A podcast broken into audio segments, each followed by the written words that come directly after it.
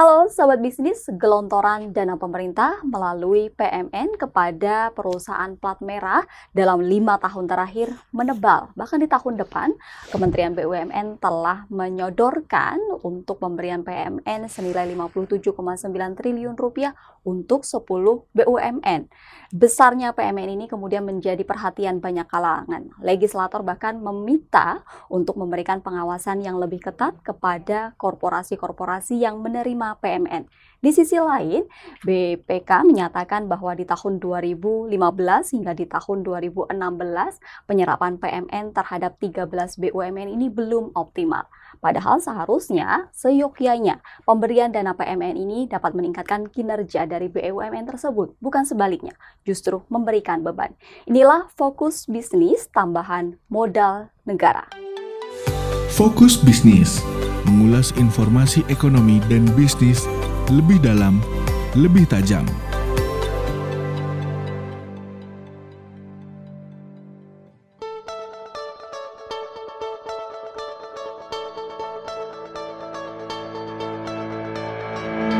Dan tentunya kita akan membahasnya langsung bersama dengan Mas Lukas dari Redaksi Bisnis Indonesia. Kabar baik tentunya kabar baik. Mas ini dalam ulasan bisnis Indonesia menyatakan bahwa dalam lima tahun terakhir PMN yang diberikan kepada perusahaan plat merah ini semakin menebal. Lantas bagaimana kemudian evaluasi dari kinerja perusahaan-perusahaan yang kemudian menerima PMN ini? Kalau untuk perusahaan plat merah sendiri dalam memperoleh dana segar lewat PMN itu sebenarnya uh, apa ya menjadi kekuatan modal dia untuk bisa melakukan ekspansi. Harapannya kan seperti itu bahwa ketika sebuah uh, eh, BUMN dia mendapatkan suntikan modal itu bisa dilakukan uh, apa mereka bisa melakukan ekspansi. Tapi persoalannya kinerja dari uh, eh, BUMN tadi ternyata tidak sepenuhnya positif hmm. gitu Nah ini menjadi catatan juga dari uh, berbagai pihak termasuk BAKN gitu ya bahwa eh, korporasi yang sudah memperoleh suntikan modal negara ada juga yang bergelut dengan ekuitas negatif salah satunya eh, Garuda Indonesia gitu. Nah apa sih ekuitas negatif itu? Jadi memang ketika uh, utangnya itu melebihi nilai asetnya itu bisa disebut sebagai ekuitas negatif gitu. Tapi ada juga yang memperoleh PMN penyertaan modal negara ya itu ekuitasnya nggak negatif tapi dernya tinggi. Nah der itu apa sih? Der itu berarti debt to equity ratio artinya rasio utangnya itu terhadap modal dia itu tinggi. Nah itu seperti yang tampak pada Wika dan Mas kita gitu. Nah terus kemudian uh, dari hasil pemeriksaan BPK ya di selama kurun waktu 2020 kalau tidak salah sampai dengan semester 1 2022 itu BPK menemukan memang uh, pada periode 2015 sampai 2016 pada 13 BUMN mm -hmm. itu ada proyek-proyeknya yang belum diselesaikan mm -hmm. gitu tapi kita harus lihat juga bahwa PMN diberikan di tahun 2015 dan 2016 harapannya kan memang tadi untuk ekspansi. Tapi ternyata kan siapa tahu 2020 seluruh disrupsi global terjadi akibat pandemi COVID-19 apakah ini berkorelasi atau tidak? Nah ini yang juga uh, patut dicermati. Memang itu salah satu yang membuat proyek itu belum selesai. Selain uh, kemudian tadi catatan dari COVID-19, adakah kemudian evaluasi-evaluasi yang dilakukan hmm. hasil dari evaluasi tersebut berkaitan soal internal dari perusahaan kinerja penerima uh, eh, PMN sendiri? Kalau untuk kinerjanya bisa dilihat kayak gini ya, bahwa uh, aset itu belum belum dioptimalkan gitu. Artinya ketika dia memperoleh modal itu kan harusnya dimanfaatkan untuk uh, perusahaan itu melakukan ekspansi. Tapi pada prakteknya memang itu tidak dioptimalkan. Artinya uh, belum secara optimal gitu. Nah, apa sih yang membuat membuat uh, itu tidak bisa optimal itu kan pertanyaannya kan memang salah satunya ya itu tadi bahwa perusahaan itu dihadapkan pada COVID-19 terus kemudian juga yang misalnya nih kita lihat kita ambil contoh aja lah gitu ya paling gampang ya Garuda Indonesia misalnya utangnya tinggi besar sehingga melakukan uh, restrukturisasi kredit gitu restrukturisasi kredit ini dilakukan salah satunya dengan PMN dan itu terbukti dia bisa lolos dari PAITA. baik. Artinya BUMN berjalan dengan baik meskipun tidak tidak digunakan untuk ekspansi, tapi digunakan untuk Penyehatan. penyehatan keuangan supaya ketika dia bisa sehat harapannya pasti akan melakukan operasional dan ekspansi sesuai dengan tujuan dari BUMN itu sendiri gitu. Selain Garuda sendiri, ada beberapa kemudian BUMN yang kemudian juga menerima PMN ini. Hmm. Sebenarnya penugasan-penugasan yang kemudian telah dilakukan oleh PMN ini dapat diberikan contoh beberapa perusahaan yang kemudian eh, bukan dikatakan berhasil, tapi eh, lebih optimal untuk menggunakan PMN tersebut. Kalau untuk yang lebih optimal ya, saya kira eh, kita bisa melihatnya dari sisi proyek untuk infrastruktur. Memang beban dari eh, apa BUMN infrastruktur dalam hal ini Utama Karya, Utama Karya memperoleh PMN yang cukup besar ya. Bahkan rasionya kalau dibanding dengan BUMN yang lain paling besar adalah Utama Karya. Tapi kita melihat dulu nih koridor bahwa eh, sejak era pertama Presiden Joko Widodo infrastruktur itu kan menjadi utama. Tujuannya untuk apa? Untuk melakukan pemerataan, pemerataan ekonomi sehingga dibangunlah eh, infrastruktur Jalan tol gitu ya. mulai dari jalan tol, eh, infrastruktur pelabuhan, bandara dan sebagainya. Untuk apa? Untuk menciptakan pusat-pusat ekonomi di daerah. Jadi ekonominya menyebar. Jalan tol terbangun, distribusi pangan terbangun. Salah satunya kita bisa melihat bahwa misalnya di BBM dengan adanya kebijakan BBM satu harga dan juga pembangunan jalan tol, harga pangan relatif stabil. Impactnya kan di situ. Memang kita tidak bisa melihat dari satu sisi bahwa BUMN diberikan jalan tol, kemudian apakah BUMN ini kinerjanya bagus atau tidak? Karena beban utangnya pun masih cukup gede kan, proyeksinya bahkan seperti itu. Tapi impact dari diberikannya PMN ini itu memberikan dampak yang luar biasa. Itu sih kalau menurut. Oke. Lantas eh, dari evaluasi evaluasi baik dari BPK maupun BAP tersebut menyatakan bahwa eh, perlu adanya pengawasan gitu kan. Sebenarnya pengawasan yang dilakukan oleh eh, penerima dari PMN sendiri seperti apa sih sejauh ini? Ya, nah ini eh, pengawasan ini memang yang menjadi penting ya. Bahkan eh, kalau kita lihat eh, pengawasan ini itu menjadi semacam eh, ironi ya. Ironinya kayak begini. Kenapa misalnya tadi kasus bahwa 2005 catatan BPK 2015 dan 2016 sudah ada dikasih PMN. Memang kita tidak berharap 2020 ada COVID-19. Tapi kenapa tidak diselesaikan dalam berapa tadi?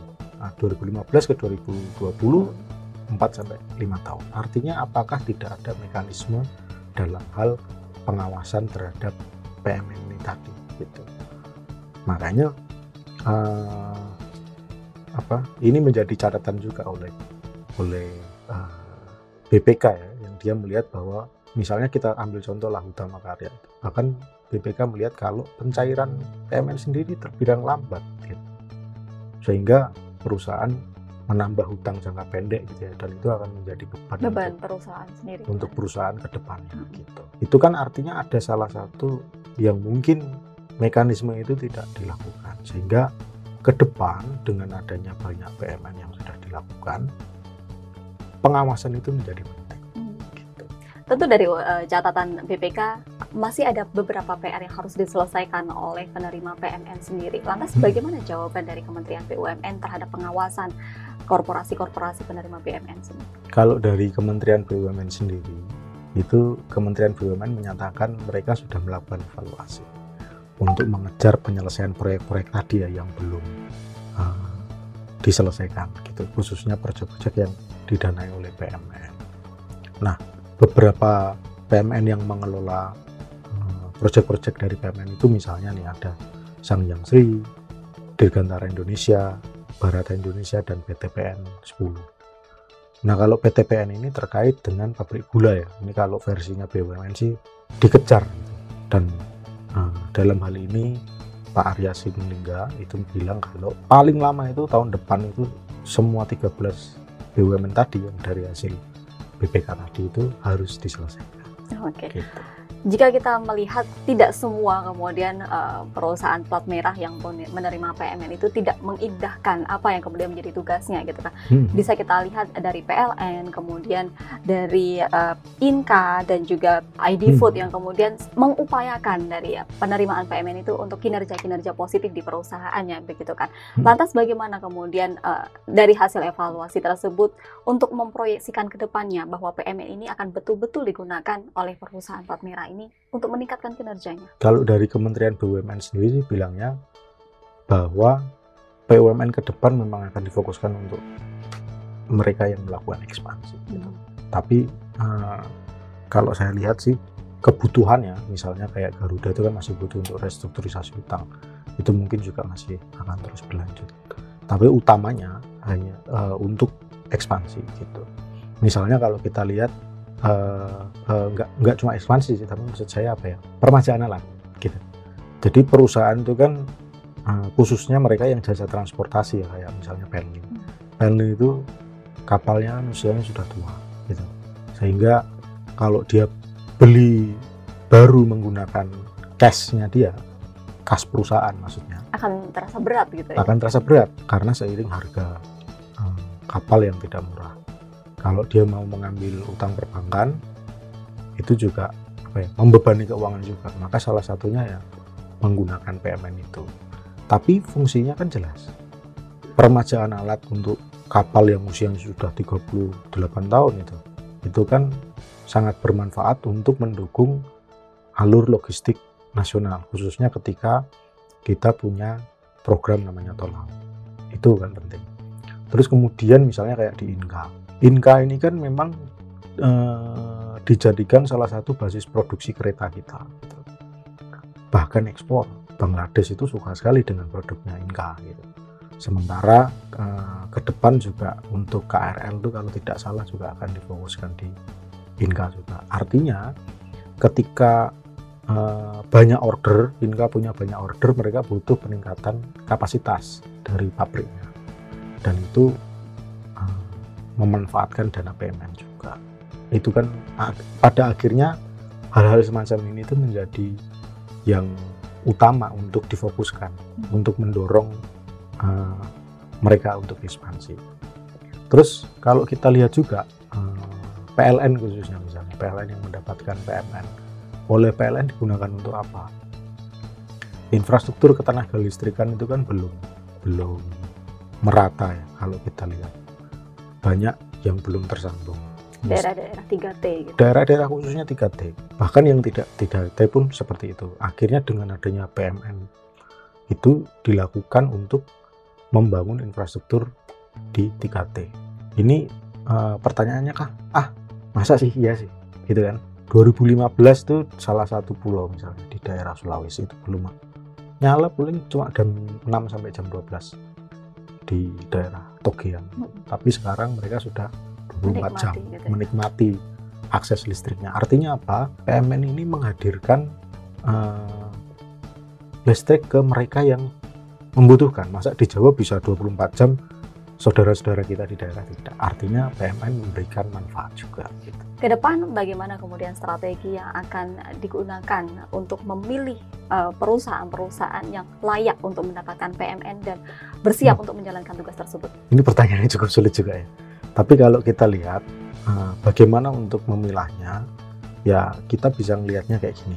Jadi untuk untuk memilah ya ada poin penting sebenarnya. Ada poin penting eh, dalam hal khususnya pengawasan. Seperti yang kita omongkan di awal bahwa pengawasan itu menjadi hal yang utama. Artinya PMN itu disetujui tiga pihak. Ini menurut si dosen FEB UI ya Pak Toto Pranoto itu bahwa harus disetujui, tiga pihak itu siapa? Kementerian Keuangan, BUMN dan Kementerian Teknis untuk pengaliran modal. Terus yang kedua itu KPI. Nah, ini yang berkaitan dengan tadi misalnya ada project yang dia berapa tadi? Sekian tahun tidak selesai-selesai. Nah, ini kan harus ada KPI-nya.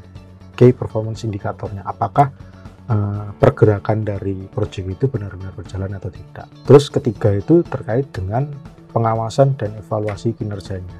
Jadi artinya ketika PMN itu diberikan tapi tidak memberikan hasil yang bagus, ya berarti harus dievaluasi ulang dong.